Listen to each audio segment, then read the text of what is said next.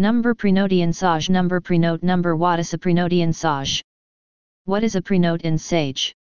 A prenote, or prenotification, is a $0 test to validate the employee bank account information or prenote is a test transaction that gets sent to the bank to make sure that the provided employee account information is valid before setting up a direct deposit transfer to pay the employee. Let's know about the prenote in Sage.